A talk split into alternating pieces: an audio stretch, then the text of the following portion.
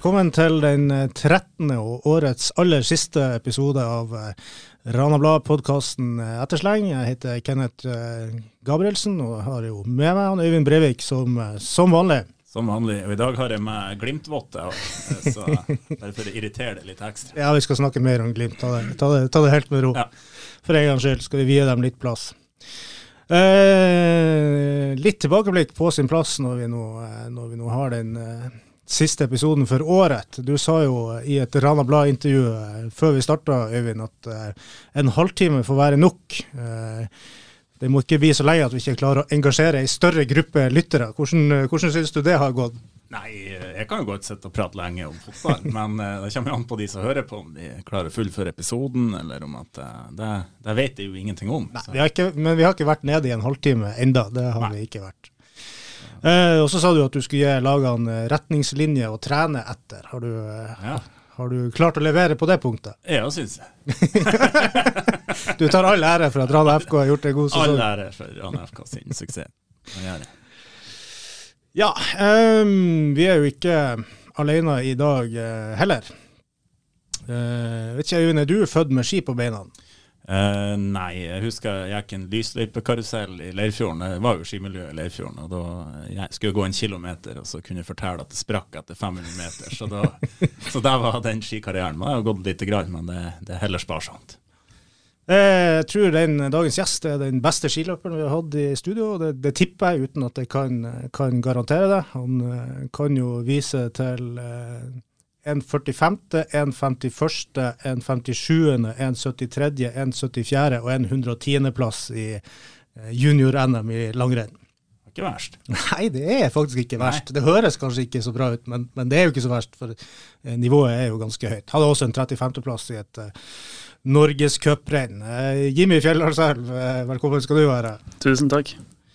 Uh, det var jo skiløper du egentlig var? Ja, jeg var vel en, en ung skiløper som òg hadde en stor lyst til å prøve meg på fotballen. Da. Så det var en, en kombinasjon. Ja. Men når du flytta hit, så var det for å satse på langrenn, eller var det en tanke om å det var vel det at her var det mulig å teste begge deler. Ja. Eh, så det var jo eh, Mo den nærmeste plassen der i forhold til der jeg vokste opp, som var naturlig å, fære til. Ja. Og du er jo faktisk også kretsmester. Jo, stemmer det. da skal det jo nevnes at han Anders Sigurd Bjellånes, som gikk i samme årsklasse som deg, han uh, var ikke med i det, akkurat det regnet. Han slo du vel ikke så veldig mange ganger? Jeg gjorde ikke det, men uh, det var viktig å være best når han ikke var Det sto faktisk i, um, i uh, Rana-blad uh, da du ble kretsmester at det var en overraskende, men svært så populær seier. Jeg husker det ganske godt, fordi at når jeg skulle opp på podiet der og, og motta førsteplassen, så var det en som ja, pekka i skulderen på han på sida av meg og spurte hva det var, her var kar. Så sa han nei, det er en fotballspiller. så det var Det var mange som la opp da, for å si. ja, Eh, og du var jo lenge mest kjent for Jimmy at eh, det var så veldig rotete på hybelen, etter at det var en Hjemme oss-reportasje på din og Kim Aastrøm sin hybel i, i forkant av junior-NM på ski på, eh, på Skillevold. Ja, det var en uh, utsendt uh, reporter der som uh, tok noen bilder som vi helst skulle ha vært foruten. Men sånn var det.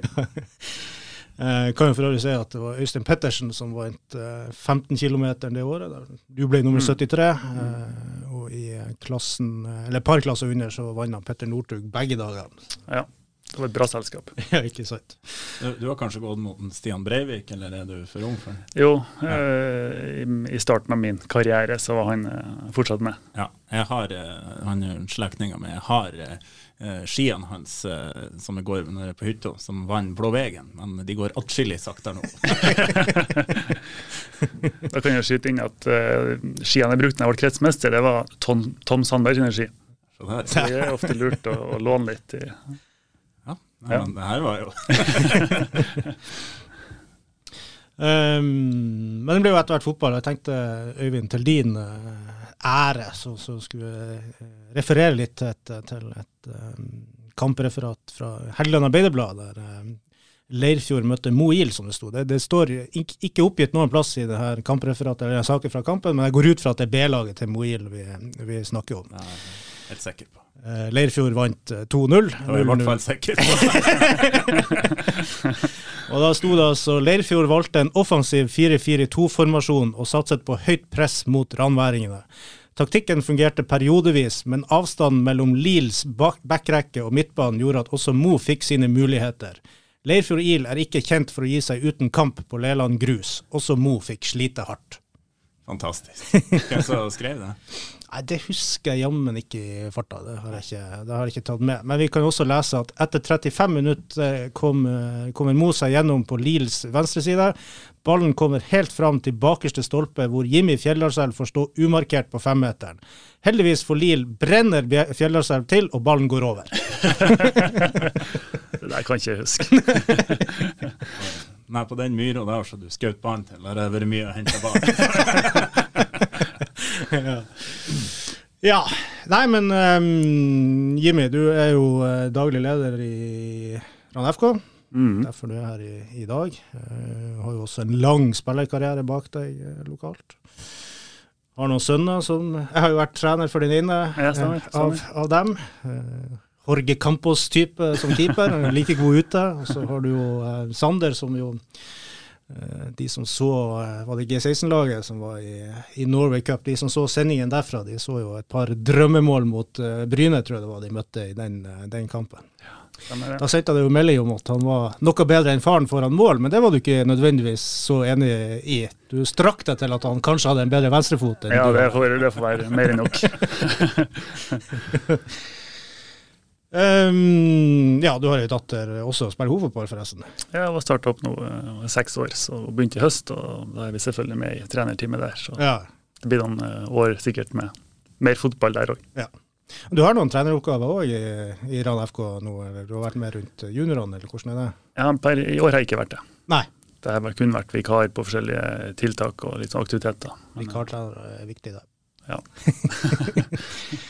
um, du kom jo hit i 2001, mener jeg. ja, 2000, høsten 2000. Høsten 2000. Uh, og da ble det Moil. Hvorfor ble det Moil? Det var vel eh, relativt jevnt mellom lagene den gangen. Og det var faktisk ikke Moil som var det beste juniorlaget, tror jeg, i, i den perioden. Nei, det kan stemme det. Men det var litt sånn bekjentskaper. Uh, begynte et idrettsfag der i lag med eh, klassen var halvt om halvt med skiløpere og fotballspillere. Så vi skiløperne vi sokna til Moil da, og det var liksom Det ble ble naturlig. Rett og slett. Når kjente du på at det blir, her blir det fotball og ikke, ikke ski? Nei, det var jo kanskje etter en, et par år der på idrettsfag, så eh, skal du bli skiløper på høyt nivå, så må det trenes hinsides mye. Det må søves, og det må spises rett. og det Det trengte du ikke som fotballspiller. Altså, det, det, er en, forskjell på individuell idrett og, og lagidrett. Sånn er det bare. Eh, og når man da kanskje kjente på at eh, fotballen ga litt mer en periode, og det mm, ja, fikk tilgang på A-laget i 2002-2003 der, så, så var det på en måte mer motiverende enn å fortsette satsinga på ski. da. Så det var, ja. Og du slet jo også noe med, med noe sykdom der en periode. Var det, var det så tidlig at du, at du prega skikarrieren, eller eh, kom det Det, senere? det var i etterkant av det. Ja. Så eh, Fant du noe ut av det? Så det var noen saker om svevestøv og, og greier? Fant, fant dere ut hva det var? Roger Martinsen var ivrig en stund etter å finne ut av det her, men eh, nei da. Jeg, jeg, vi fant vel ikke ut av det, egentlig. Nei, men du ble, du ble frisk igjen. Jeg ble det. I hvert fall sånn høvelig. Ja, for du spilte deg jo inn eh, 2003 tror jeg du fikk en god del spilletid. Eh, 2004 var du jo da eh, ute av laget, i hvert fall i, i starten av sesongen, helt til dere og, i, i juni møter møter det som er Norges beste lag på det eh, tidspunktet, eh, TIL. Eh, med Morten Gamst Pedersen på, på laget. Mm. Eh, hvordan, eh, det var rett før han gikk til Blackburn og markerte seg jo ganske kjapt der, eh, der også. Du kom jo inn for en skada Robert Bjørknes i første, første omgang. Hvordan, mm. hvordan var det? Det er det første egentlig store fotballoppslaget i hvert fall vi finner om Ja. Jimmy Fjelldalselv. Det stemmer nok det. Det er mulig. Jeg tror ikke du som skrev den. Det er helt korrekt. det er skrevet. Nei, klart, det var jo en, en Vi bodde jo rett for Moia da. Og det var jo en kamp som ble ja, stor interesse rundt. Tromsø var god, som du sier, og, når vi for på møte der for kampmøte da nede på, i Rådhusalleen, så en og en halv time før kamp, så allerede begynte å komme folk på stadion. Så jeg skjønte jo at det her ble en opplevelse. og ja, tar ikke feil, så var det en 2500 som var så Ja. kampen der. Og klarte å komme inn da mot på høyre back mot Gams Pedersen etter 40 minutter. Det var jo ikke Ja, jeg tror hjertet slo ganske greit der. Men uh, han hadde en litt tilbaketrukken rolle da, så han, han, var ikke så høyt i banen så ofte. Men ja, det var en artig kamp å være med på. Ja. Dere, eller du var ikke med da, tror jeg ikke, men Mohild slo ut Strømsgodset i runden før, hvis, jeg husker Stemmer rett. Eh, og så møter man jo TIL og faktisk eh, gjør en veldig god førsteomgang, i hvert fall. Eh, og har 0-0 til pause der. Så hadde jo TIL eh, Peter Kovac så, Ja. å hive innpå, så da ble det andre boller i, i andre omgangen. Stemmer det. Eh, husker du hva, du hva du sa om han eh, Morten Gams Pedersen? Ja, det avisklippet jeg tror jeg har hjemme, så det burde jeg huske, men eh, jeg klarer ikke å dra det opp i farta. Nei, han var bra til tider, men jeg syns ikke han var noe overmenneske. Nei da, når du sier det, så husker jeg det. Ja. Eh, og Tore Haag, sier, den trener den gang, sin vurdering av, av din innsats var at du var utmerket. Vi skal huske på at han har ikke spilt før i år. Det var bra. Bra, bra. Og Gans Pedersen òg mente jo både Robert Bjørknes Farstad og Jimmy som, som kom inn, eh, begge høyrebackene gjør en grei jobb. Men eh, det han la mest merke til, det var at de hadde 1000 innkast, så det var egentlig de lange kastene han la mest merke til. det var vel ikke helt uh, ukjent med lange innkast i, i Mohild på den tida, eller dødball Nei, kanskje det. generelt. Vi hadde Torstein Vassdal på to meter, og Bjørn Lund Riise kom etter hvert der. Vi hadde bra luftskyts, så det var lurt å benytte seg av det. Kan for øvrig legge til at eh, Bodø-Glimt-supporteren Hugo Charles Hansen også jobba på den kampen og skrev om tribunelivet. Og Da skrev han at eh, det var det beste laget i Norge de hadde møtt, så det var, det var ikke så verst innsats.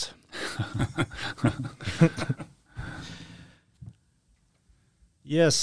Eh, Men hvordan var det på den tida? Så du, Jimmy, kom jo inn Det ble jo satsa ganske bra i Mohild Mm. eh, den perioden der frem til eh, Frem til 2004 i hvert fall. Ja. Hvordan, hvordan var den tida? Nei, det var jo selvfølgelig Som ung fotballspiller så var det jo spennende og utfordrende og alt på en gang. Um, det var jo voksengruppa som spilte, både med Lars Jensen og Frode Hauge og Espen Haag, Morten Haag. Morten var forholdsvis ung da, men, men det var jo erfarne spillere. Det var jo det var et trøkk på trening, og det var, et, eh, det var eh, høye krav. Tore Haag som var trener, sant, og vant til toppfotball og visste hva det innebar. Så det var jo et eh, ja, utrolig bra lag og et, et bra gjeng da, som pusha hverandre på trening hver dag. Og kom du ett minutt for sent på trening, så var det ja, nesten så du ble sparka hjem igjen. Så det var det var, det var et, eh, et bra gjeng. Eh, men man lyktes jo ikke helt med det man hadde som mål. i hvert fall. Altså, målet var vel den gang, Først var det at man skulle spille førstedivisjonsfotball i 2004. og så eh, ja, justerte man jo målsettingen litt, eh, litt etter hvert. Hva, hva som skar seg den gangen. Nei, var det ikke en enkelt kamp der med en dommeravgjørelse som var, har vært i fokus? Kjell Brekkan er vel ikke populær i, Mo i Rana, det kan man vel, det kan man vel si. Ja. Nei, det er hva som skjer husk husker helt, men, eh, men vi var jo forholdsvis nært, da. Så Ja. det er jo ofte sånn marginer som er foreldre imot. Det å bestille et opprykk er jo ikke Nei, det er jo ikke det. Og det kom jo faktisk eh, sesongen etter. Altså man, og da var jo mange av de her som du nevnte, var jo faktisk forsvunnet. Altså. Eh, og det var eh, altså, Jeg tror du mista fem spillere som var mer eller mindre fast på laget altså, før, Mm. før 2005-sesongen. Men da plutselig så så overraska man jo stort og lå og kjempa om opprykk hele sesongen. og eh, Til man jo da tapte hjemme mot, eh, mot eh, Tromsdalen. ja, det som i hvert fall i Moil-sammenhenger blir omtalt som, som eh, en dårlig dobbeltprestasjon. Ja. eh, og så eh, blir det jo eh, 2006, ja. Hvordan var den? Det var jo en ganske spesiell innledning på sesongen, sånn som, sånn som jeg husker det. Ikke da dere taper åtte kamper på rad i starten av sesongen? Jo, det stemmer jo det. Vi, har vel, eh, vi brukte vel Ytteren da som hjemmebane, hvis jeg ikke husker helt feil. Ja, i Det første kampen. Så det var en del faktorer som spilte inn der på at vi hadde en fryktelig start. Og så kom jo Dester og sterkere tilbake etter hvert der, og var vel eh, høstens beste lag, om ikke jeg husker feil. Det er helt korrekt. Eh, man taper altså de åtte første kampene. Begynner å se rimelig fortapt ut, selv om det nå for så vidt ennå er, er tidlig i sesongen. Men på de 18 neste kampene så er de altså best i avdelinga. Det er ganske det, det skjer ikke hvert år, for å si det sånn. Nei, det var en bra snuoperasjon, og vi husker vi sto godt i lag der. og Tor André styra skuta trygt der, så det var ikke noe sånn her eh, krisestemning, selv om at vi gikk på en del smeller. vi hadde trua fortsatt. Så. Var det fortjente smeller, eller var dere, hang dere godt med, eller husker du det? Jeg husker ikke så godt det, men jeg, jeg tror ikke det var så mye store tap. Men vi, det var ikke ufortjent når vi tapte. Det, var- det, det har ikke minnet. Og så var det jo ikke noe stålhall og sånn å trene i, så jeg tror jeg treningsforholdene på vinterstid òg var med å, å spille inn der. Det var nok en av de faktorene som var litt, litt imot oss. Ja. Eh, og så, så er det selvfølgelig sånn når du begynner å tape, jeg husker jo dere møtte vel tror var Eidsvoll Turn med, med Frigård på laget, blant annet, så leder man til pause, men så kommer panikken litt i andre omgang når det Ja. blir skåring der og sånt, så det var jo sånn. Når selvtilliten ikke er på topp, så, så får du jo gjerne noen, noen smeller. Ja. Men etter det så begynner det å gå litt eh, Da har man vært nær opprykk til, til førstedivisjon, og man har, eh, man har vært eh, Ja, hatt den her veldig svake starten, men best også da i etterkant. Eh, 2007 kommer. Tor André Olsen sparkes. Charles Berstad kommer inn, og så går det jo ikke sånn som man kanskje trodde det skulle gå den gang. Nei, det gjorde ikke det. Nå skal det sies at det var mange spillere som, som forlot da òg. Så det ble jo store utskiftninger. Og Det ser vi litt sånn historisk sett at når det skjer, så skal det litt til for å klare å holde prestasjonen oppe. Så det er noe Ja. Det har blitt satsa hardt i perioder der man ikke har lyktes, og det er jo mange, mange ting som spiller inn. Det er jo Ja. Det er vanskelig å si akkurat hva det var, men det, Charles Berstad var en bra trener på feltet. Han, han, eh, han gjorde mye bra, og så, så stilte han eh, store krav. og Så ble det jo litt sånn at spillergruppa ikke var sånn som han trodde når han kom. og Så var det prøve å få tak i noen spillere utenfra, og det vet vi at det er jo ikke lett. Her kom vel noen polakker blant annet, og Ja. sørfra. og Ja. Mye, mye importer som ikke alle slo til, i hvert fall. Nei. Og sånn er det når man henter mye spillere. Man er litt sånn uh, trødd opp i et hjørne. At man tar kanskje noen valg som ikke, som ikke er godt nok overtenkt. Da, eller sjekka godt nok ut. Så han frikjennes litt, han Charles Berstad. Ja da, Ja. Han, var, han var langt ifra håpløs, han. Jeg syns han hadde masse bra med seg som, som trener, så det, det må jeg si. Eh, men det fortsetter jo å gå nedover, det kommer noen nedrykk og sånn. Men du, du eh, velger å fortsette. Hva, hva, hva som gjorde at du eh, aldri ga deg? Nei, jeg er vel kanskje i overkant eh, lojal. Eh, og, ja, har Stål vært mye bedre, og og jeg har vært superambisiøs om å skulle opp og frem, så vet man jo aldri. Men det er liksom aldri gjennom min tid i Moil sånn at Stål har vært så mye bedre. De kunne kanskje vært litt bedre, men det har ikke vært sånn markant forskjell. Så jeg, er jo ikke en forholdsvis lojal fyr som liker å, å stå i det som man har begynt i. Hva du, hva du sitter igjen med? Eh, Hvor lenge spilte du? Du, var jo, du ga deg ikke før i 2016, kanskje, siste ja, kamp. Så du hadde jo sånn 14-15 år på. Relativt bra nivå i, i byen, i hvert fall. Mm. Hva du, hva du sitter igjen med etter, etter den karrieren? Nei, også Som alle fotballspillere som legger opp seg, og det er den følelsen av garderobekultur og, og samholdet man har på, gjennom fotball. Det er det som sitter igjen sterkest. Og så er det en del kamper selvfølgelig som man husker godt. Eh, husker jeg årstallet, men bl.a. borte mot Valdres, der vi må ta poeng i siste seriekamp for ikke å rykke ned. Jarle Roy var henta inn der i Det var kanskje etter Berstad-tida, det. Det kan nok stemme, ja. Ja, i hvert fall vi måtte ta poeng der. og Vi, vi reiste hit og klarte vel 2-2. Eh, og den følelsen etterpå da, med, å- med å ha klart det med å jobbe hardt motover i, i flere måneder der, den, jeg husker godt. Faktisk bedre enn en del av de opprykkene fra tredje til andre som jeg har vært med på. Nei, Det må jeg jo si som supporter òg, eh, ja, nå har ikke TIL har vært så ofte oppe i, i toppen, men det jeg husker best, det er jo når de berga plassen mot Rosenborg i siste serierunde, helt, helt, helt på slutten. Altså, Ja, det, er jo, det er jo få følelser som er bedre enn en akkurat det. Ja. Og så husker jeg selvfølgelig cupkamp borte mot Vålerenga på Ullevål stadion i 2007. Eh, min, min første møte med sånn type stadion og de rammene som var rundt det. Ikke så mye supportere på tribunen, men det lille var der, de som var der, de laga godt, med- godt med liv. Så. Det er en del sånne ting.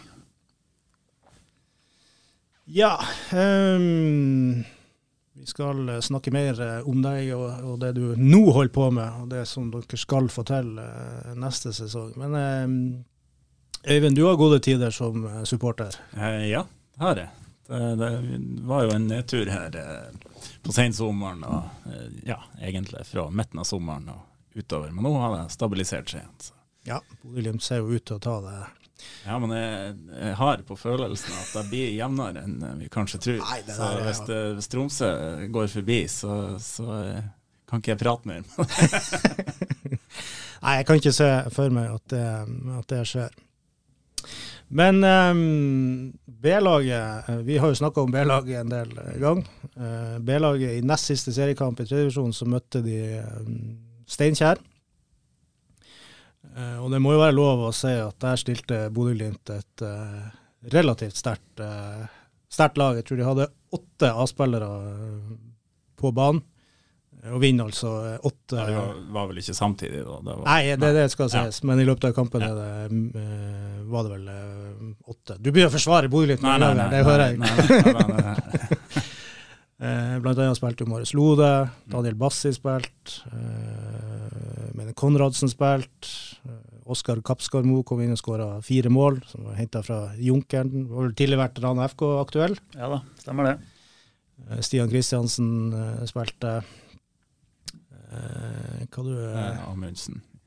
Ja, Isak Helstad Amundsen kom inn, ja. Som også har eh, spilt mye både i Europa og, og på toppnivå. Så, og for det som var, Bodø-Glimt måtte jo egentlig vinne den, eller hvis de vant den kampen, så hadde de berga plassen. Og Steinkjer er jo også et lag som kjemper mot, mot nedrykk, og faktisk røkker ned til slutt med ett poengs margin. Og hadde de slått Bodø-Glimt da, så hadde det vært Bodø-Glimt som hadde B-laget til Bodø-Glimt som hadde rykka ned, og Steinkjer hadde, hadde berga plassen. Nå tror jeg jo kanskje Bodø-Glimt 2 hadde eh, vunnet den kampen uansett. Uh, men uh, de vinner altså 8-0, og de, de, bruker et tilnærmet A-lag mot, mot Steinkjer. Ja. Jeg syns det er ripa i lakken, det må jeg bare ærlig innrømme. det var så vi snakka litt om her før vi gikk på sending, at hadde det vært konsekvent hele sesongen Så hadde det vært greit, ja. Likt for alle lagene. Um, og det er jo det som ofte er på slutten av sesongen, andre lag som har gode førstelag eller på et mye høyere nivå, så ligger det dårlig an, så begynner de å pumpe inn spillere. Rosenborg gjorde det samme. Bare for å sikre at de skal få andre laget på høyest mulig nivå sesongen etter. Um, men det er jo det er jo ikke helt moralsk riktig, i min bok i hvert fall. Så den der syns jeg var litt stygg. Og så er det litt uttalelsene Marius Lode kommer etterpå. Det var sånn det kunne nesten tolkes som at de her Steinkjer-spillerne skulle være glad de fikk møte så mange gode fotballspillere. Det var litt sånn nedlatende holdning. Jeg husker ikke ordrett hvem sa, men jeg reagerte litt på det der. Så, så den syns jeg var litt eh, Ja, det, det, var ikke heldig. For eh, man skal ikke bli for høy og mørk. Det er litt viktig. Nei, jeg tror vi er ganske, ganske der. Men eh, det var jo artig at Daniel Bassi kunne få litt spilletid igjen. Ja. og han, han skal spille hver kamp siden han kom, så han har fått masse spilletid. ja. Eh, Bassi som de jo da henta fra, fra, TIL, og det var jo en bra eh, business for Glimt. det. De henter inn Bassi som er med å berge plassen til B-laget til Glimt i tredjedivisjon. Og så sender de Lasse Nordås i retur, som var med å snu kampen for TIL mot, eh, mot Viking, som jo i praksis berga seriegullet til Bodø-Glimt i, i Eliteserien. Ja. Bedre kan det vel egentlig ikke gjøre, sånn spillerlogistikkmessig. Jeg har nok tatt det uansett, skal du se. Nei, men det var, det var en god, god trade. Altså. Bjørn Bassi blir god neste år. Jeg tror nok han kan slå tilbake. Jeg tror han har hodet som, som, skal til. Men ja. Eh, en vanskelig start, det må det vel være lov å si. Ja, Tobias Gulliksen spilte vel faktisk også ja, eh, for B-laget der. Så. Ja, dine opplevelser med B-lag, Jimmy? Nei, den her problematikken der, den er jo Den begynner å bli lei av. Stakkars Steinkjer som har jobba knallhardt for, å, for å snu skuta etter en dårlig start, få en god høst, møte oss der, og vi slår dem, og så starter egentlig nedturen. De møtte jo Rosenborg 2 her i tidlig høst med et tilnærma topp av andre lag der òg. Ja. Så de har hatt maks uflaks og fått kjent på det her utfordringa det med andre lag. Ja. Så det er noe vi igjen kommer til å, til å ta opp og prøve å få noen diskusjoner rundt for å se på hvordan vi kan løse. For det, det er rett og slett for jævlig når man eh, så mange i en klubb jobber så hardt for å, for å, skape et produkt som er godt nok for å være i en divisjon der du er, og så er det faktorer som kommer utenfra og bare raserer hele, hele, greia. Det blir så lite unfair så det går an, egentlig. Ja. Og så er det dessverre sånn at det er mange klubber som gjør det. så ikke den Glimt er noe. Nei da, de, det, det, det, flere. Vi har, vi har snakka om flere eksempler. og ja, det finnes flere eksempler. Så, så lenge at reglene og ordninga er sånn, så, så er det toppfotballen er kynisk, og da, da blir det sånn. Ja. Men eh, har du tanker om hvordan man kunne løse det? For det er jo ikke helt enkelt å, eh, å løse. I hvert fall ikke sånn, Kanskje for toppklubbene at de kunne hatt en reserveserie, men det finnes jo også andre lag lenger, lenger ned. Dere har bl.a. et andre lag. Nå tror jeg kanskje ikke det har vært eh, så problematisk at eh, dere har stilt sånn superlag mot Nei da. Det har jo ikke det. Men eh, det er klart, de her toppklubbene de har jo nasjonalserie fra 13 år oppover. Så en nasjonalserie for U21 eller hva det kunne vært et alternativ. Eh, Men de vil jo ha matching mot voksne folk. Eh, Men ser du da på hvor alderssammensetninga i andre og tredje divisjon nå, så er det så mye ungt uansett at du får ikke så mye av det eh, som de fikk før. da. Så, så jeg, ja, jeg er usikker på løsninga. Eh, nok om det. Eh, har spilt siden sist vi snakka, Øyvind, og der eh, gikk det jo ganske bra for eh, Rana-lagene. Riktignok tapte Rana FK Gruben sitt samarbeidslag i Inter 13 mot Gran. Men de tre andre lagene de, de vant. Eh, Selfors Boss Måga vant eh, to finaler på jentesida, jente 15 og jenter 17. Eh, flere av spillerne spilte vel begge kampene. Mener vi fikk et eh, et hat trick der i den ene kampen. Haugane Christensen. Husker jo ikke fornavnet i farta. Helle, bare? Ja, det tror jeg faktisk kan stemme. Det stemmer 100% Jimmy har kontroll. Uh, og så vant de 6-1 mot Gran Bodø i, i jenter 17-klassen. Der er også en del kjente uh, navn som er på skåringslista. Jeg tror faktisk hun Helle der skårte et mål i den kampen òg.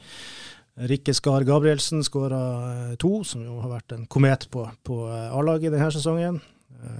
Karoline Knutsen Kvernemo, som vel da blir datter av en tidligere gjest her i podden, Lille Hege Knutsen, skåra to mål.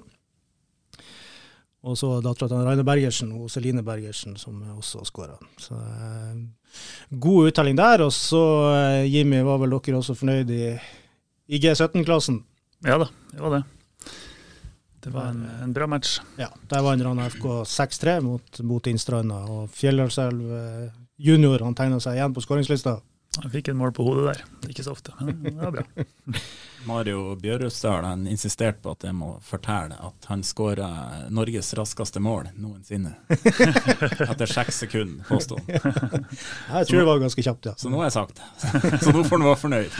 ja, han skåra to, og Filip Trøyte Solstrand skåra, og Linus Neshagen Selius skåra, og Emil Akselås skåra. Så var det, var det nevnt. Mario også en god, en god løper. Han kunne, kunne nok ha satsa på det hvis han ville, men det er noe, det er noe rart med det. Fotballen, fotballen trekker. Mm. Det er noe med å jobbe i lag i lag med mange enn å være gamp alene. det, kan vel, det kan vel være noe der. Bosmo Ytteren Øyvind. Eh, sist så hadde vi jo eh, var det jo høyt oppe. To seire på rad. Det ikke har ikke gått sånn i de neste par kampene. Det er 0-5 borte mot Bjørnevatn og 0-6 hjemme mot uh, HamKam, et lag de spilte uavgjort mot borte. Ja, mot Bjørnevatn så var det jo, som jeg hadde fått hørt, ganske ja, en del suspensjoner. Noen var bortreist. Og, så de stilte jo med en tynn tropp. De var vel 12-13 stykker meg opp. Um, OK første omgang, og så ramla det vel litt i hop der. Eh, og så er det mot HamKam nå. Den fikk jeg ikke sett, men eh, det gjorde åpenbart ingen aviser heller. men eh, da forsto jeg at der var det der var det stor klasseforskjell på, på lagene. Eh, de eh, kantene HamKam har, de sleit de forferdelig med å få tatt ut. Lynkjapp, god med ball. Eh, ja, de plaga de skikkelig det var, det var, ikke så mye som hang sammen den kampen, så vidt jeg har forstått. Nei. Og HamKam er jo et topplag, da, så ja.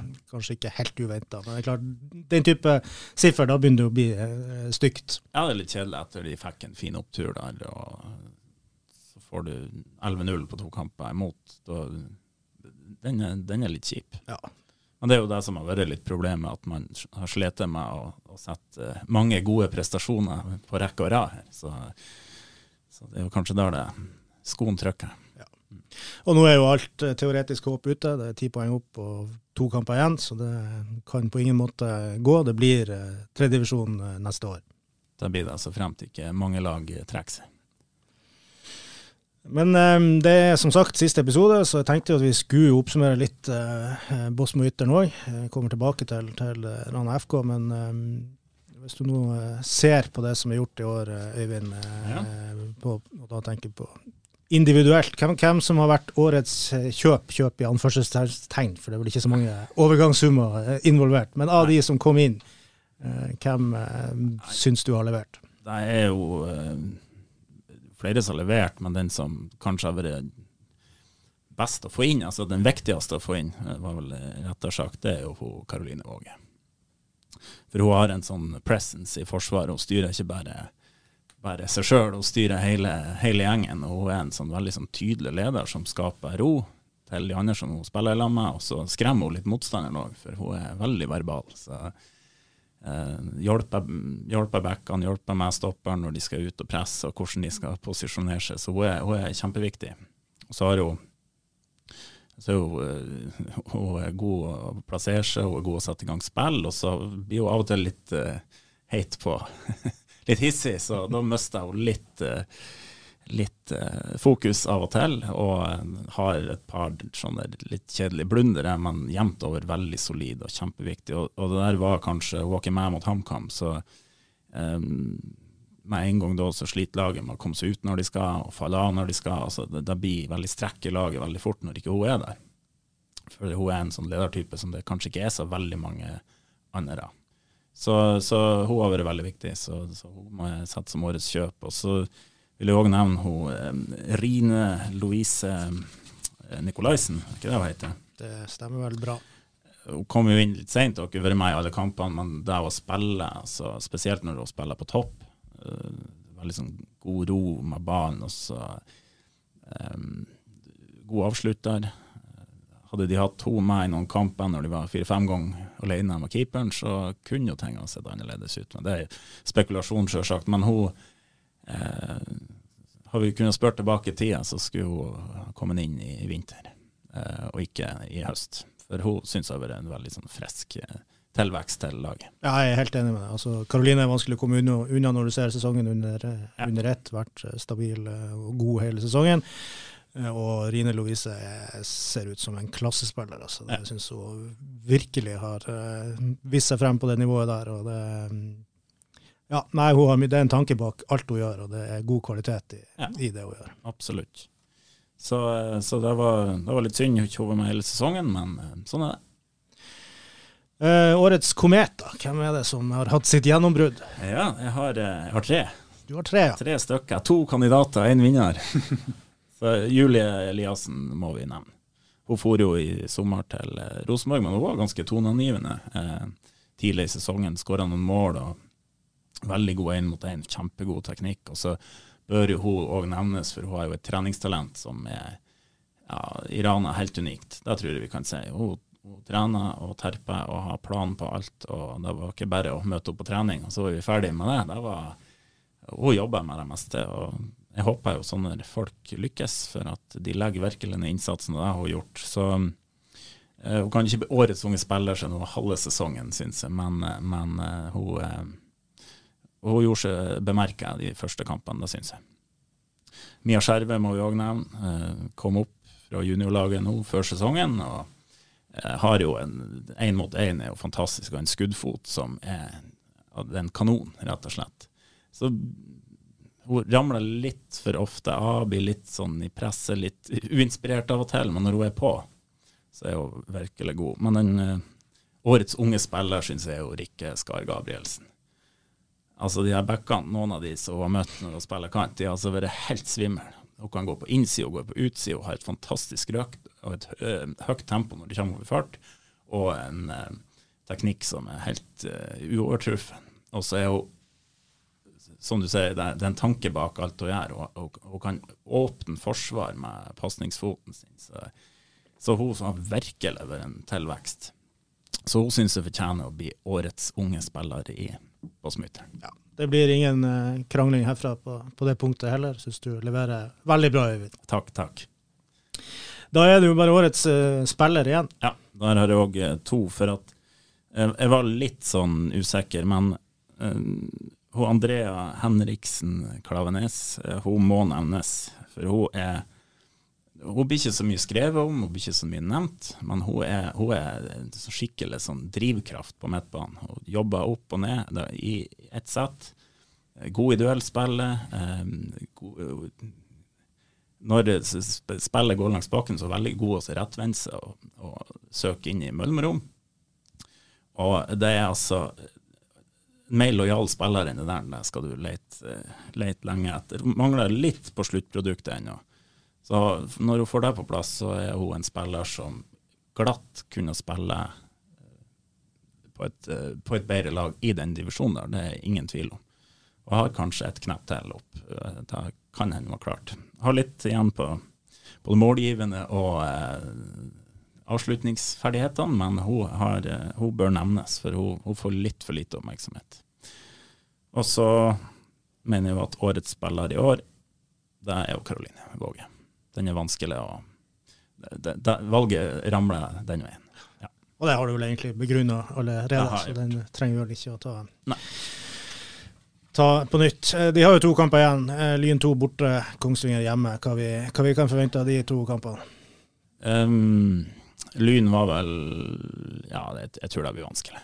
Jeg, tror, jeg frykter at de poengene de har nå, det er det de blir stående med til slutt. Kongsvinger kanskje hjemme, at uh, de går an å være mer på talefot. Men jeg tror Lyn 2 blir vanskelig.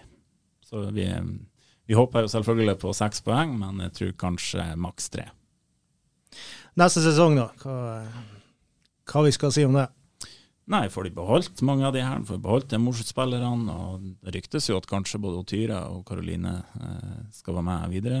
Eh, så eh, få matcha seg litt i Gutteserien eh, for å få godt nok nivå å matches mot. For det der laget i tredjedivisjon, det bør være bør være grei skuring, så eh, jeg blir overraska hvis ikke de skal spille kvalik eh, på denne tida neste år. Så, så det, det, såpass forventer jeg faktisk at de gjør. Så de må sørge for å få god matching imellom de her tredjedivisjonskampene. Nå snakker jeg ikke ned de andre lagene, men nå har de vært på et mye høyere nivå. Ja, Det er jo ganske stor forskjell på andre divisjon og tredje divisjon. Eh, og det, det, bør vises neste sesong. Nå har de fått de referansene de, de trenger, de vet hva skal til, og, og, da håper jeg at de kan eh, ja, dure gjennom og få god matching i Gutteserien og slå seg opp igjen. Det, det håper jeg er vanskelig å røkke opp, men bør, serien bør i hvert fall uh, vinnes. Jimmy, har du fått fulgt med nå på, på damefotball? Ja, jeg har jo det. Jeg har vært på noen kamper her på Sagbakken når de har spilt der, og så har jeg jo sett litt på, på, på nettet etter hvert når de kom dit. Men uh, jeg har ikke sett nok til å kunne uttale meg så veldig hardt, for det er jo kollidert litt med FK-kamper, litt forskjellig. Men uh, det jeg har sett, har vært uh, ja, på et helt annet nivå enn, enn tidligere kamper. Så det er klart at utviklinga går rett vei der. Ja. for fremtida, da? Hva tenker Rana FK om om damefotball? Er det noe man eh, ser for seg at man kan bidra på, eller bør bør det bare holdes i den klubben som alltid har holdt på med det? I den nye strategiplanen som ble vedtatt i fjor, så står det at vi skal bidra til toppfotballsatsing, eller bærekraftig toppfotballsatsing for damer og jenter i morgen.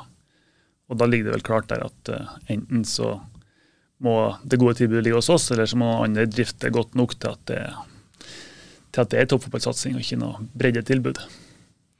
Men hvis man nå uh, skulle tatt det inn i Rann FK? Altså, hvor, hvor, mye måtte klubben vokst for å jeg, jeg, går ut fra at dere har nok å gjøre, dere som jobber i klubben? ja, det har vi. Det er ikke det største problemet vi har. Men eh, nei, hvor mye måtte vokst? Det er jo selvfølgelig noen, noen, gode synergier her som folk vi har inne allerede kunne tatt del i den satsinga òg. Men klart at vi måtte jo ha fått inn flere folk som hadde ansvaret for en del av de områdene som har gjeldt dame- og jentefotball. Eh, så det er vanskelig å si noe sånn type stilling eller økonomi rundt det. men eh, skal man drifte på et godt vis, så må man òg eh, ha en organisasjon og en økonomi som, som er mynta for å faktisk ta godt vare på det. Har du trua på at Båsmo Hytten kan slå tilbake og komme, komme, seg opp igjen på første forsøk? da?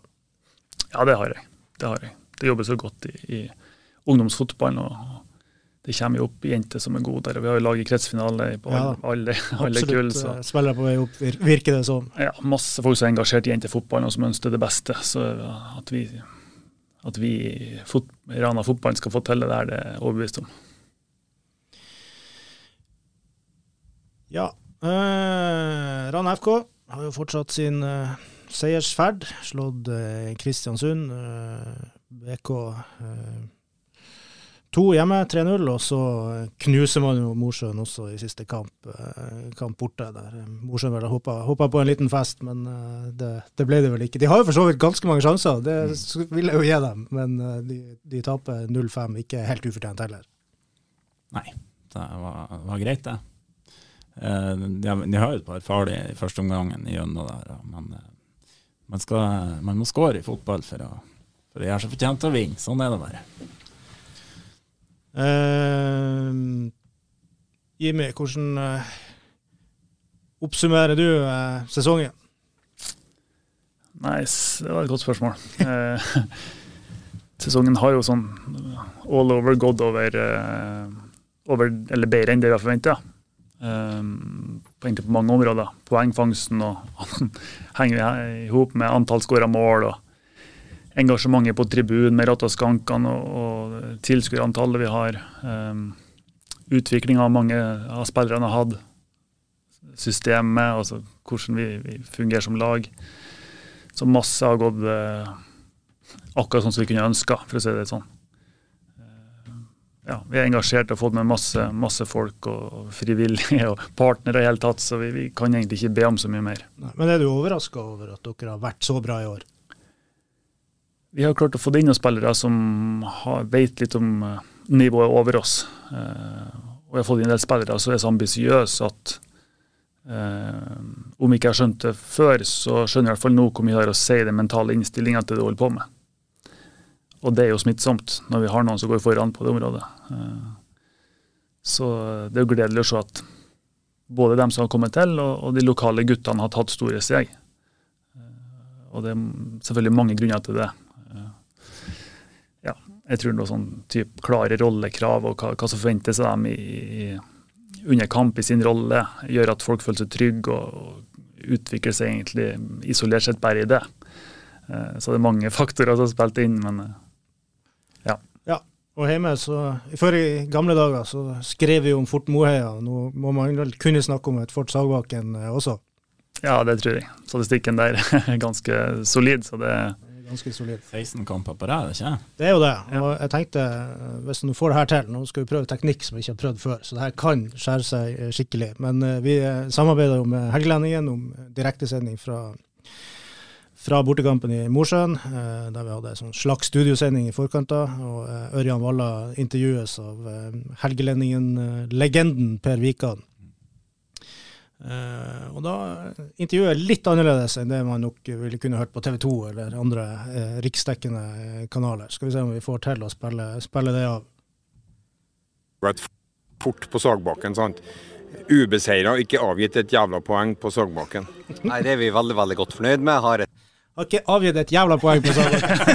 det høres ut som det irriterte litt. Nei, men det, det, er jo ikke noe å si på, på hjemmeformen. Det kan man jo ikke si. Nei, det ble nevnt tidlig i sesongen at vi hadde et bortekompleks. Men eh, hvis du ser bakresultatet bortekampene òg, så var det liksom eh, Nardo borte. Det var vel ganske tidlig i år. og vi hadde en god prestasjon der vi like gjerne kunne lede til pause. Så, så vi så ikke på det som et bortekompleks, vi så egentlig på det som at vi hadde en del faser av spillet vi bli litt bedre på for å ta de beste lagene. Ja. Og det har vi på en måte eh, løst etter hvert. Ja. Og den har ikke vært krise, men jeg tror det er fem bortetap man har, eh, noe sånt. Og det er nok litt for mye hvis man skal rykke opp. Så, så, det er der man Altså 13 seire hjemme, det holder. Det holder. Men fem tap borte, det har man nok sannsynligvis ikke råd til. I hvert fall ikke når man ser på de andre avdelingene og hva som skal til for å, for å komme seg opp. Men det var litt sånn som vi snakka om den bortekampen borte mot Nardo. Da var Rana FK vel så god som Nardo. Eh, og kunne fort ha vunnet den. Og, og det her er Trønderlyn. Trønderlyn. Ledermann har jo full kontroll på ja. kampen, og så ja. kommer det utvisning, og så bare rakner det. Så det er jo selvfølgelig det. Men, men, man har ikke råd til de, kampene, kampene, der. Nei, det virker jo som at uh, Du er spent på hva som kommer ned, og hvordan avdelinga blir neste år. Men hvis du får et sånn Nå er jo Rana et slags lokomotiv, de òg, men får du noe à la Strindheim som vinner det absolutt meste, så, så, så har man ikke råd til å mange sånne der eh, tap, i hvert Nei, fall. hva det Hønefoss har vel vunnet 24 av 26 kamper, og de røkker ikke opp. Ja. Så eh, det, det skal ganske mye til. Og, og det er jo litt surt eh, hvis at man egentlig er ganske suveren, og går det ikke likevel. Nei, det er det som er, som er skummelt. Vi skal snakke mer om neste sesong, men eh, la oss holde oss til årets sesong. Øyvind, eh, har du sett på årets kjøp for Rana FK? da? Ja, eh, jeg mener det er han Mats Halsøy. eh, den- Oi, her har du snudd! Du var jo kritisk da. Mats, tiden. Jeg har skrevet at startet sesongen noe tregt, men vi fikk glimtvis se hva som bodde i fyren. For han har jo en del par mål, blant annet. Så den første touchen den er jo helt i, i Ja, den er veldig høy klasse. Eh, du ser jo at det er en kvalitetsspiller på det her nivået, og så etter hvert nå så syns han har bare vokst seg til. Men han var litt sånn startproblemer. Han, han, han var ikke blendende god til å begynne med. Men eh, i takt med Rana FK så har det bare vært én vei, og det har oppover utover sesongen. Ja, Så. han har vært, eh, vært veldig god. Så han eh, jeg syns det var årets kjøp eh, i år. Hadde du andre kandidater? Nei, ikke akkurat på den. Ja, Det vil jo jeg si at Sevald eh, Andreassen må jo være en, eh, en kandidat. Ja, absolutt. Ja, ja. Har du glemt han? Nei da, jeg har ikke, jeg har ikke glemt det. Uh, nei, nei, og jeg ville nok ha gått for han som årets kjøp. Og litt også med mentaliteten som Jimmy snakker om. Virker som Sevald er en som har virkelig kommet inn med, med det. da. Uh, og, eh, det er en sånn intensitet i, i spillene, så han er god både, både defensivt og offensivt på det, på det nivået her. Jeg vil mene at han holder et mye høyere nivå enn en tredjedivisjon. Ja, han tror det blir enda bedre neste, neste år. Han har har enda litt å gå på. Uh, årets komet, da. Hvem har hatt gjennombruddet? Eh, ja, årets eh, jeg vil kalle det unge spiller, og jeg definerer unge spiller fra, ja, fra ned fra videregående. Så han Christian Grønning var jo egentlig eh, på den, men så mener at han er for gammel bli unge spiller. Nei, jeg synes eh, som, som sånn runner-up så har jeg en Markus Øie. Um, han har, han har vokst godt inn i den rollen. Vi var jo litt sånn spent på uh, hvordan han skulle takle det før sesongen. Og jeg syns han har takla det bra. Han er jo litt varierende, sjølsagt, og det, det, det vil man være når man er såpass ung. Og har av og til en litt uh, nonsjalant eh, tilnærming til, til spillet. Men jeg syns han har vært jevnt over veldig solid, og de kampene har vært virkelig gode. Han har vært kjempegod. Så han syns jeg har utvikla seg veldig fint, og han, han fortjener å nevnes. Så syns jeg jo òg at uh, kanskje årets unge spiller blir han Adam, for at uh, det virker som han har stiget mål siden han det virker som han er 28 år, for jeg syns han har stiget i mål for evig tid for han FK, men eh, han tror jeg nok vi får se i Han kan vi fort få se på TV om noen år. Ja. Så han fortjener eh, Ja, Hvis du en- sier at det er årets unge spiller, så, så er det jo greit. Men årets komet han jo ikke. For det som du sier, han, eh, det kan virke som om Ja. han har spilt i ti år, og han har jo nesten det. Ja. Han har jo eh, mye erfaring så, alle, så, allerede. Ti år har han ikke, men, men flere sesonger. Og derfor jeg kalte det årets unge spiller. Ja, du bare omdefinerer. Ja. Markus Øie syns jo du har helt rett i runner-up. Overraska stort i mine øyne, kanskje spesielt tidlig i sesongen. eh, men virkelig vært, eh, vært bra. og Jeg ser ikke ut til han lar seg prege av hvis han misser. Han bare prøver på nytt. Ja. Og veldig konstruktiv med ball eh, også. Uh, og så definerer nok ikke jeg bort han Kristian Grønning. Så, uh, Men han, han tror jeg kanskje hadde tatt den hvis at jeg ikke hadde vært steinhard med kriterier. så, så jeg velger han. Uh, også en som overraska meg stort fra første kamp, egentlig. Han toneangivende. Eh, ja, det er løpes og det er løpes, og samtidig så er han eh, så han plager motstanderen, livet av motstanderen, men samtidig så er det også bra eh, både valg og, og utførelse med, med ball. Så han har virkelig tatt mange steg denne sesongen. Så fortsetter han den utviklinga, så kan det bli ordentlig, ordentlig bra. Helt enig. Blir, han, han blir spennende å følge med. Årets spiller, da? Ja, den eh, Kanskje ikke noe overraskelse. Jeg har en Kim André Råde. Det er veldig vanskelig å komme ut er, Kim André Råde. altså, det er toppnivå som er Det er, det er nivå opp. Det er det. det er, og, det og det ryr inn mål, målpoeng. og eh, God i det oppbyggende spillet. Han, han, han, er, han er god overalt. Eh, god i lufta. Han, er, altså, han, er preger de fleste kampene. komplett. Vi snakka faktisk om han på morgenmøtet i Rana Blad i, Ja.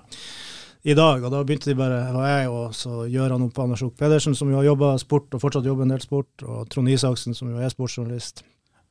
Så vi begynte å snakke om Kim André Råde, da, og da begynte jo de andre rundt bordet de eh, begynte bare å flire og sa dere er jo forelska i han Kim André Råde. Jo, men altså, han er, han er viktig, og, og det, sånn som jeg har sett det, i hvert fall. Nå har de sikkert litt andre analyseverktøy enn det har, men de dagene han, de sjeldne gangene han kanskje ikke har helt dagen, så, så preger det veldig resten av laget. For han er en veldig sånn ledertype på banen.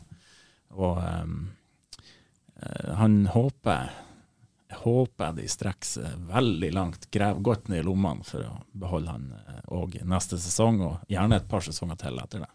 Ja, Kim André Råde er faktisk si, en av de i verden jeg syns er artigst å se spille fotball. Og Det er selvfølgelig noe med bakgrunnen. Han har vært gjennom mange magre år i, i Rana-fotballen, men, men, fortsatt og fortsatt, der, der alle andre har har gitt seg. Og så har han i år fått spille på et uh, Har jo riktignok spilt på noen gode lag òg, det skal nevnes, men får i år igjen sjansen til, til, det. Et lag som virkelig presterer bra, og han sjøl har vært på meget, meget høyt, uh, høyt nivå. Og det er liksom Er så god med ball. Så sikker i alt han gjør. Og igjen, intensiteten i det han gjør, er, er helt fantastisk å, å se på. Det er et eksempel til etterfølgelse for veldig mange. Og i tillegg liksom opprivende og god defensivt. Så det, det, er ingenting han ikke, ikke leverer på. Veldig, veldig fin eh, type òg. På dette nivået en komplett spiller? Ja, absolutt. Og kunne nok fortsatt spilt på et noe høyere nivå enn en tredjedivisjon. Det føler jeg meg trygg på. Har jo en sesong i førstedivisjon hvis vi nå går tilbake noen år. Spilt under Gaute Helstrup, som jo nå gjør det bra som, som TIL-trener.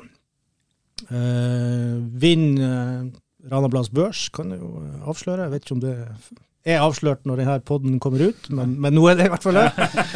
Har nesten sju i snitt, som jo er ti er høyeste. Nesten sju i snitt er veldig, veldig høyt.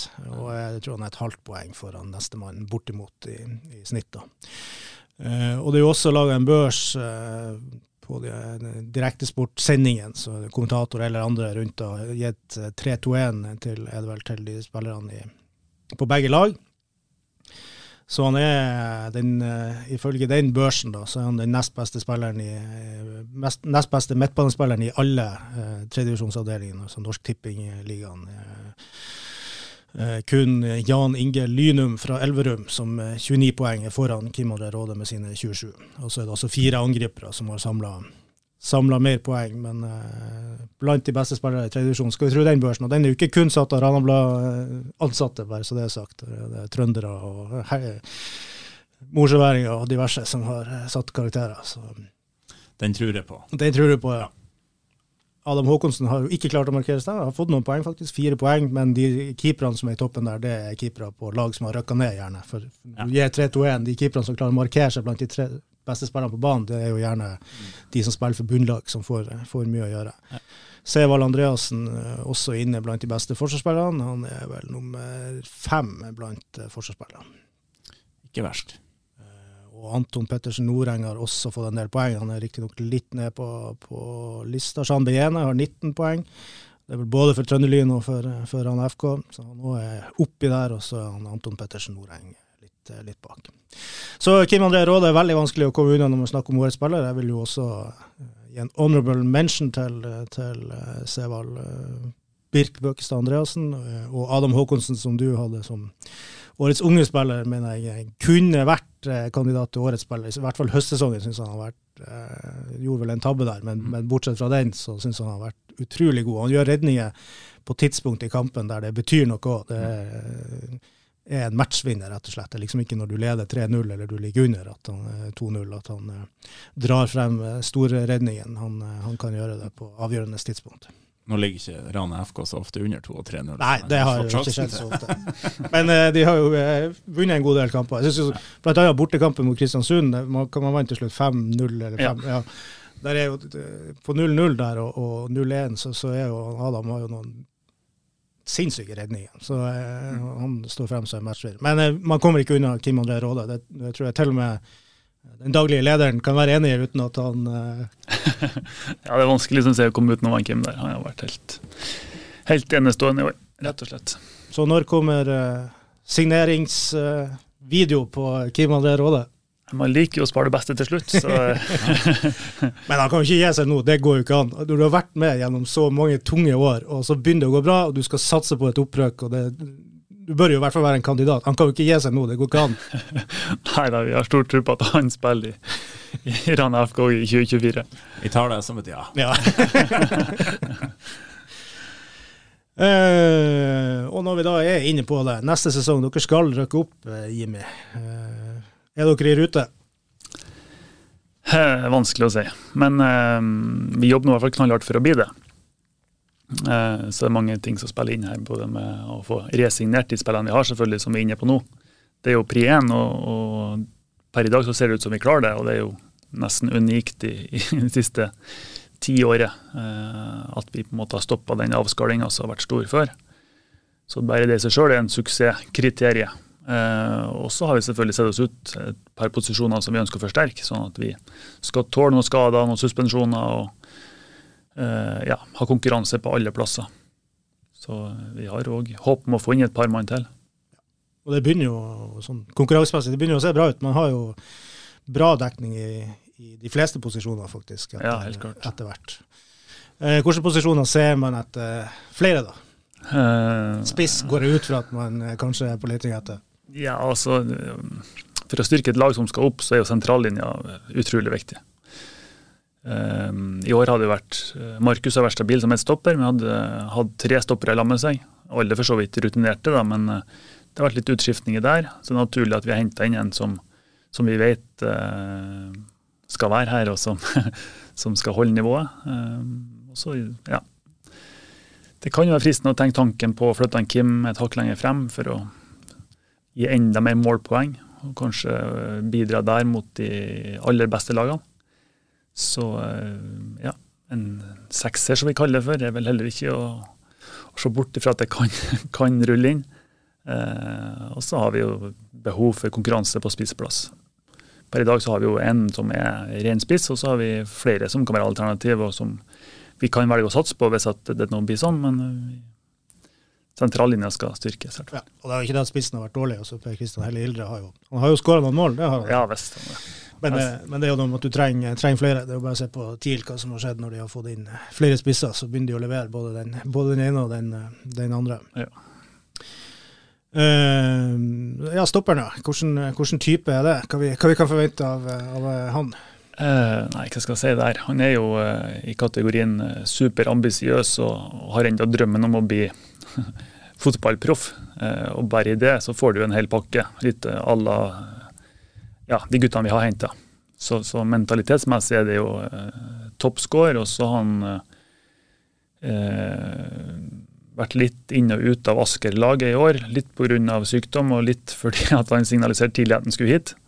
Eh, og da ville de satse på noen andre. Eh, så jeg har ikke fått sett den så mye i høst, men vi vet jo potensialet. Og, eh, Hvordan kjenner dere til han? Hvordan vi kom i kontakt med Ja, hvordan, ja, hvordan, Ja, nei, hvordan kom han på radaren? Nei, si det. Vi har en utrolig mange på radaren. Men eh, eh, vel først Olav Øverli som kasta inn navnet hans i forhold til at han har kjent den fra Trondheimstida si. Og så har vi begynt å følge altså Vi ser utrolig mye kamper i tredje divisjon. Stort sett rått, rått og røte, holdt på å si. Så vi har sett han der. Og så har vi òg folk som har tipsa oss om at eh, det er en som er verdt å følge med på. Så det er en, en fysisk bra spiller som er bra med ball, og som, har, eh, som er hurtig, da. Uh, og han har vært her, han er? Nei, han kommer nå i neste Kommer, uke. ja, okay. uh, Hannes Bordal, Ja. som jo også skal kombinere det med en del andre oppdrag for, for klubben. Stemmer det. Men hvordan er jobben med å få spillere nå? Er det, er det enklere enn det var i fjor? Da vet jeg jo at man var i kontakt med veldig veldig mange.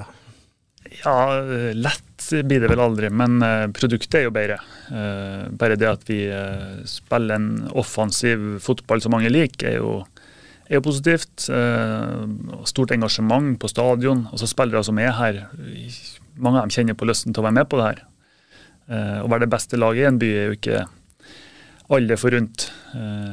Så bare det i seg sjøl er positivt. Og så har vi jo ja, mange positive ting ved, ved Rana akkurat nå, så, så det er lettere, ja. det må jeg kunne si. Uh, vi var jo litt inne på det. Du har jo, uh, du har vært med i fotballen både i tider der man har uh, satsa hardt og, og ikke helt lyktes, og også da i tider der det har uh, skjært seg. Så hva, du, hva du har lært som, som, er viktig å huske på nå når dere skal røkke opp? Nei, Det er jo det at man er hva skal jeg si, tålmodig, utålmodig. Snarveier, det, det, det er sjelden lurt. Uh, fokus på det man kan gjøre noe med, og så jobb knallhardt med det. Har man trua på det er villig til å legge ned 5-10 ekstra, alle vi som er både ansatte og, og frivillige og, og spillerne, så, så, er alt mulig å oppnå, rett og slett. Um, så, så, det er liksom det å, å ha en felles vei og, og ha trua på det vi holder på med, rett og slett. Ja, eh, da nærmer vi oss vel eh, litt grann slutten. Men det er jo siste eh, sending, så jeg tenkte vi skulle se litt tilbake på, på ettersleng òg. Ikke bare oppsummere eh, Båtsmuteren og, og Rana FK. Vi har jo 13 eh, sendinger vi har vært, vært gjennom. noe av det som har blitt et høydepunkt for meg etter hvert, det er jo etter at vi fikk et nytt program eller verktøy på jobb her, med, der vi kan hente, få ut eh, tekstutskrift altså, av, av eh, lydopptaket. Jeg bare laster opp lydopptaket, og så får jeg teksten eh, tilbake. Det er jo ikke helt uten feil. Altså, jeg, ikke, jeg, kunne ikke publisert den teksten, for å si det sånn, selv om den gjør transkribering lettere. Dette er sånn som vi bruker for å finne, finne tilbake til ting som, som er sagt i Eh, i sendinga, da. Eh, og noe av det som har vært eh, gjengitt mest feil, det er jo Bosmo og Ytteren, som jo nevnes noen gang i løpet av ei sending. Så i løpet av det er vel de fem siste episodene jeg har kjørt gjennom det her lyd-til-tekst-verktøyet, så er det Bosmo Ytteren skrevet en feil på 35 forskjellige måter. Og ikke en eneste gang er det skrevet rett. så jeg tenkte jeg skulle gå gjennom en topp ti-lista her. Eh, da vi, og da går jeg ut fra at når jeg nå sender det her opptaket gjennom, så får jeg jo Bosmo Ytteren rett skrevet. Ja, der går ut ifra. Da har vi altså Bosnium Hytteren. Påsmytet. Bådsmøtten. Og så har vi en som er ganske nært. Det er Boss-Mo Ytteren i tre ord. så det er Voss-myten, Båsmo Utdal, Uh, Bård Smutensket. Bålsmutteren. Boss med hyttene. Og så tror jeg det er din favoritt, Øyvind, til slutt. På Smutdalen. ja, det er mange hvis noen skal starte opp ny klubb. mange gode forslag der. Jeg hadde noen ord til som jeg måtte ta. Bedriftsfotball, hva dere tror det ble? Uh, det ble brystfotball. Ja, brystfotball. Ja, ja, ja. Og så har vi Sarpsborg, eller Sarpsborg. Det ble riktignok en by, men ikke Sarpsborg eller Sarpsborg. Det ble Salzburg. Niklas Baksjø, det ble Miklas Bakse. Ja, det hørtes ut som en spiller på eh, Milan på 90-tallet. Mats Halsøy ble Mats Halsøy Johan. Ja.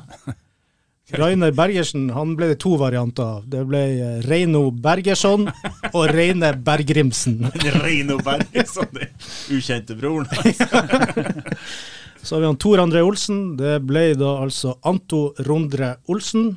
Der tror jeg det er han Tor André Olsen ja. som det ikke helt har takla. Det har, blitt, det har skøret seg litt.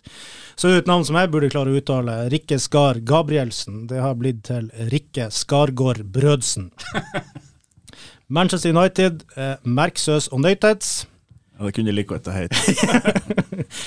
De Serbi ble til Dessertbiver.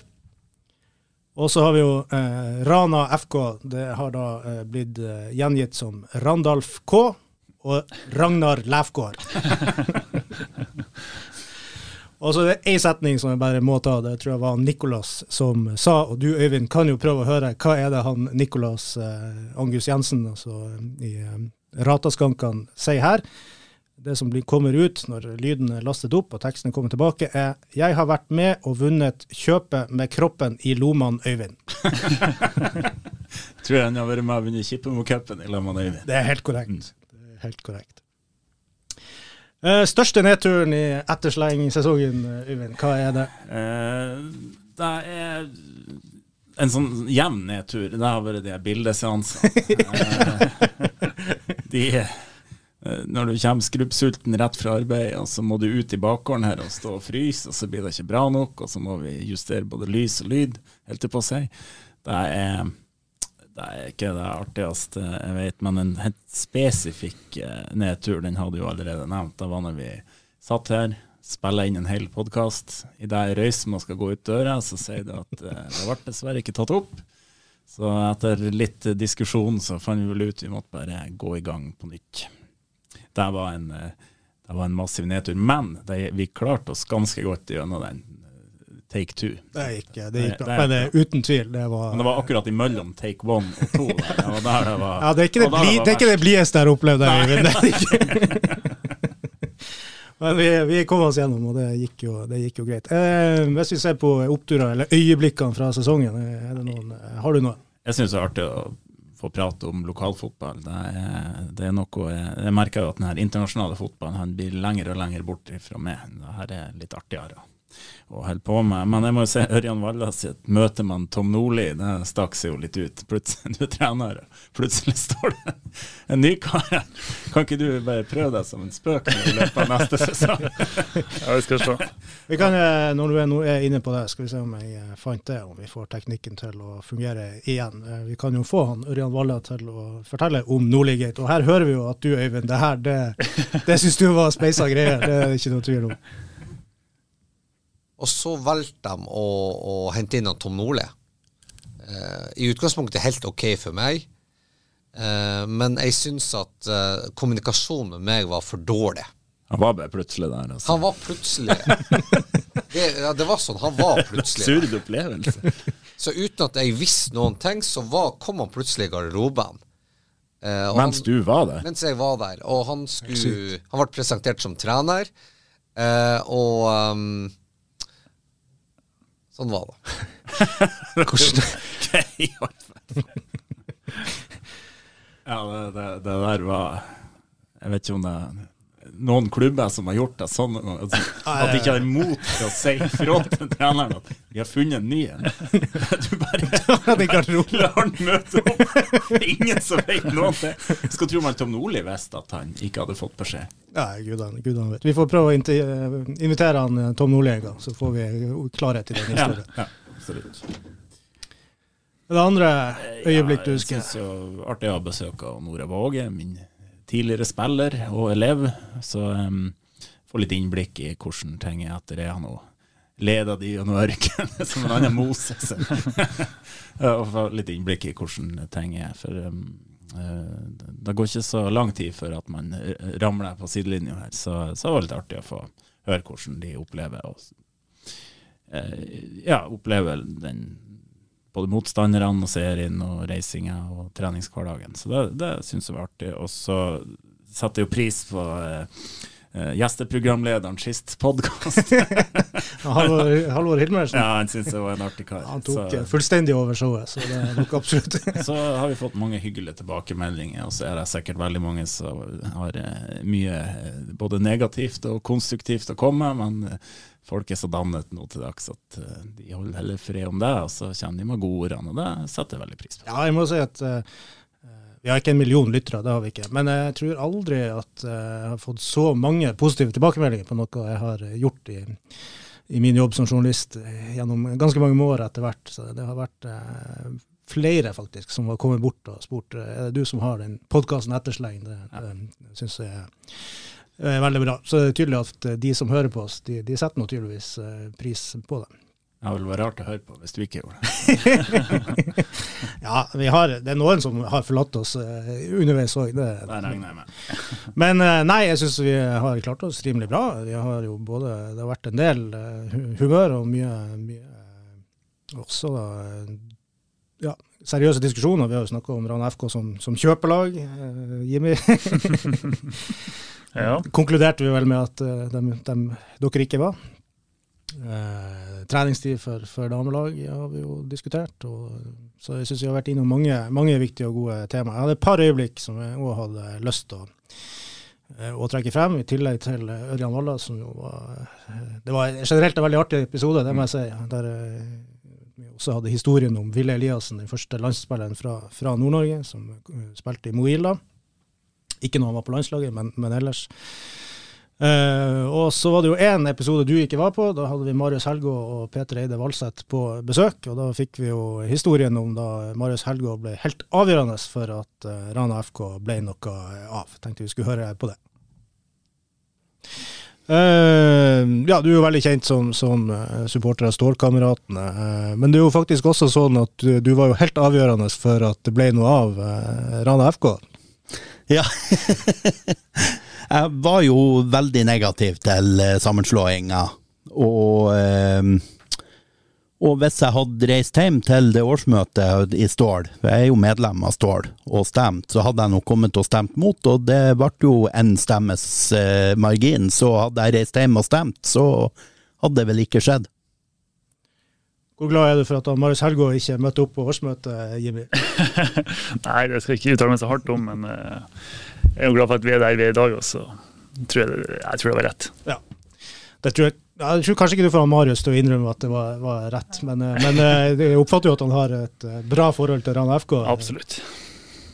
Eh, og så var Det jo, det sto på én stemme, men, men, man måtte jo ha et visst flertall her, om det var to tredjedeler. eller hva, Stemmer det, hva det var. Så flertallet var jo egentlig større, men det, var, det sto på én stemme til, mm. til slutt. Så. Eh, men mitt absolutte høydepunkt det var jo å høre Bjørn Audun Risøy fortelle om tida i, i Kjelsås da han hadde Stig Mathisen som trener, og du hadde den mest ekstreme Drillo-fotballen som, som, tenkes kan. Tok dem nesten helt til Eliteserien. De spilte kvalifisering til Eliteserien et år der, med Bjørn Audun på, på laget. Men la oss høre han fortelle om hvordan det var å trene i, i Kjelsås. Det var helt ekstremt. Jeg tror ikke noen altså Folk i dag har, har ikke trodd at det har gått an. Det var helt vanvittig ekstremt. Jeg var i fire sesonger. Vi spilte, eh, Det skjedde aldri, ikke en eneste gang, at man spilte ballen fra høyrebekken og over til venstrebekken og tilbake. Det skjedde bare aldri. Ikke en gang på fire år. Da må jeg nesten bare spørre, Bjørn Audun. Hvordan var treningene da? Hva, hva trente man på?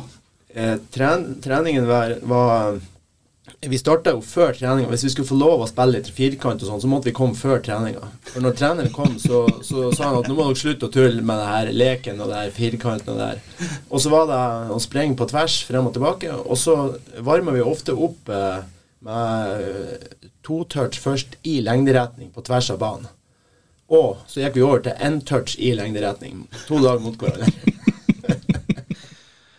Hvor lenge hadde du vara i Kjelsås, Jimmy? Nei, jeg er usikker på det. altså. Jeg tror ikke det har vært så lenge.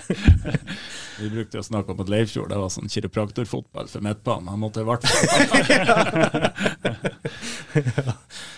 Ja, Du er glad i å sprenge hvis du skal på midtbanen der. Ja, det tror jeg. Nei, helt, helt utrolig. Men det ga som sagt resultater, så de var, de var nær å komme seg, komme seg helt opp. Men eh, neppe så mye lærdom å hente for Rana FK. Jeg tror kanskje ikke det er den spillestilen vi får se neste sesong heller. Nei, det tror ikke jeg. Da vil i hvert fall det være overraskende. ok, da tror jeg vi er igjennom. Eh, takk Jimmy for at du kom. Det ble jo veldig, veldig trivelig. Og så eh, får vi jo eh, satse på at vi får mye å diskutere også, eh, også neste sesong. Gjerne mange kjøp, det gjør ingenting. ja, vi får se. Det blir nok bra uansett. Takk for i år, eh, Øyvind. Takk for i år.